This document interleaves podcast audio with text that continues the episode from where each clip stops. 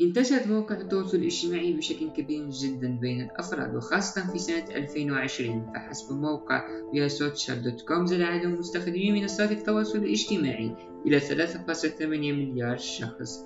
بعدما قرأت هذا التقرير خطر على ذهني عدد من الأسئلة لكن أبرزها كان ما هي أول مواقع التواصل الاجتماعي والذي سأجيب عليها في هذه الحلقة؟ لكن بعد المقدمة.